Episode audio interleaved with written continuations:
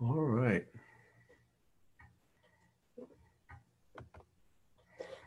So here we are. I'm Dr. Michael Grossman, I'm Dr. Barbara Grossman. And we're looking forward to being here and joining and spending time with you. And as you all probably know, I'm a medical doctor, and anti-aging specialist, and I love keeping people youthful with my mm. wife, Dr. Barbara. She is a an expert PhD in marriage counseling and individual counseling.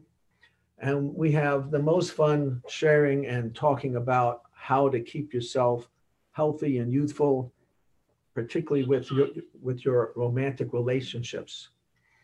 And romantic relationships are so important for your health and well-being because they keep you alive, keep you young.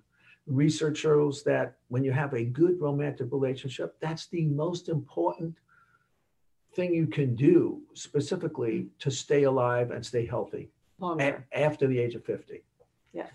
very very mm-hmm. important and um, so we're so happy to talk about these things and it it it it it, it, it, it, reaches both of us as to what what it is we want to do There's also a new study that shows that uh, couples who have sex after 65 on a regular basis, at least once a week, are healthier and happier and live longer.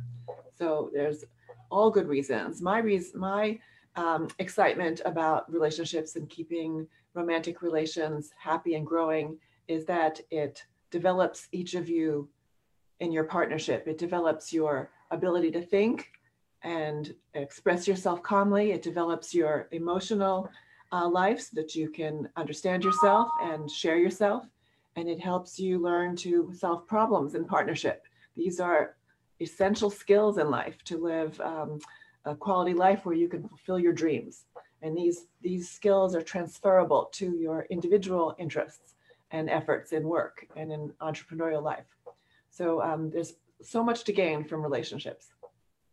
Today, we would like to talk to you about what to do and how to solve conflicts uh, because conflicts are inevitable. In fact, um, I know I believe that the first uh, years of your relationship, uh, when you get together, you are accentuating your affinities, your similarities. And eventually, over time and the responsibilities in life, you will catch up to your differences. And um, when, uh, if you don't catch that early, and you don't start talk, talking about your differences early and what you need and how you and what you want from your partner, what happens is that those those conflicts, those differences, those tension points add up. I'm thinking about a couple I saw this week uh, where I um, needed to really solve their problem for them, which, and I'll talk about this with them when I see them next, it really cheated them of the opportunity to develop their skills. We'll take apart that, um, that session and um, reverse engineer it when I see them next. But what happens is if you have so many issues that have accumulated, it becomes so overwhelming and you get into a tension and um, uh, contention with your partner that it's it's hard to solve those things. And um, and so what I want to give you some ideas about what is important when you have differences with your partner. You want to sort yourself out and and look to see what you want and what you need underneath the anger, underneath the resentment, so that you can express yourself clearly. Um, maybe you're disappointed, maybe you're hurt, um, and you want to you want certain behavioral changes in your relationship to accommodate what it is that works for you, and then you you you want to be ready and willing to listen to your partner's point of view, their feelings and thoughts, and and then you want to negotiate what can work for both of you. And there's so many responsibilities that come with couple life. Between the years of 30 and 50, there's just the business of life is overwhelming. So there's so many things that need to be taken on and solved. And so you want to be able to, to um, resolve those challenges together in a smooth way where you your relationship does not get um, uh, injured in the process of living your lives and accomplishing your goals. And that way you, you manage to hold the respect between the two of you and hold the chemistry because those are two parts of your relationship that are crucial to enjoying your relationship and and feeling like you're teammates on the same team and winning together as well as enjoying the friendship and romance of your relationship. So i i want you to start practicing um, sharing your feelings in a calm way uh, underneath the anger and asking for the behaviors that you think will work for you and then looking to negotiate your differences So what that means on a, uh, on a practical level is that when you have a conflict, each of you have to um, create a situation where you can actually make an appointment and talk to each other. So rather than to have a discussion when you're each upset and angry, just say, let's make up a time when we can talk about this and you set up an appointment where it's convenient for both of you to talk about it. And then, and then once you have that appointment, when you make the appointment, you want to be able to listen to each other and to hear the other person's point of view. And it's important when you're telling your point of view, you're not talking about your your upset in such a way that you're blaming the other person for something each of you, you have to assume has your point of view and it's based upon certain positions and feelings and past experiences. But you don't want to talk about in the past you've been upset because they did this and now they're doing that and now they're doing this and you've had enough of it. Rather, you want to be able to say to them that the upsets that are going on now, you you you'd like to have a different way of dealing with it. And you make a specific request. So Dr. Barbara says, make a specific request.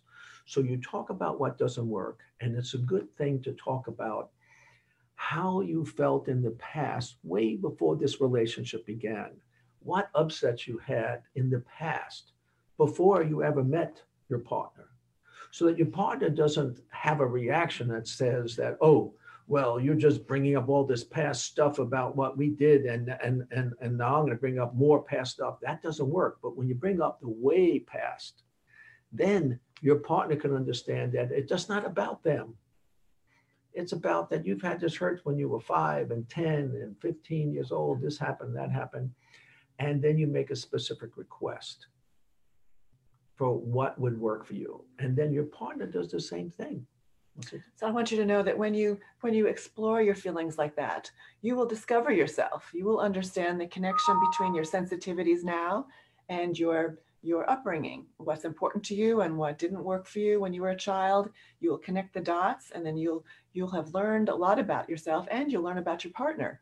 And you know our our um, idiosyncrasies is um, is something to um, uh, really understand and have compassion for and learn to weave your lives together so that you're respecting each set of different feelings and values that um, have been in the making for a lifetime.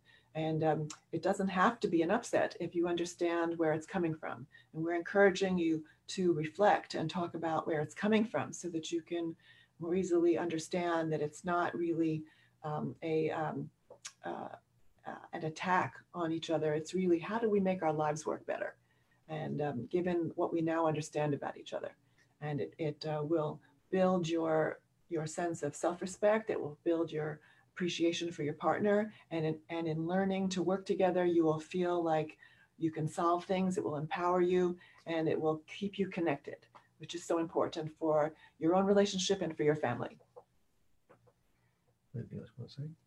So we um, we want you to know that um, we're happy to support you in learning these skills. You're welcome to uh, contact us uh, for our Falling in Love Forever classes that start um, uh, in September and uh, ongoingly. We, we do these classes every couple of months and we do them online as well as in person. And we're happy to um, uh, coach your skills in our classes and, and have you learning with us uh, so that you can take these skills home and make them yours forever.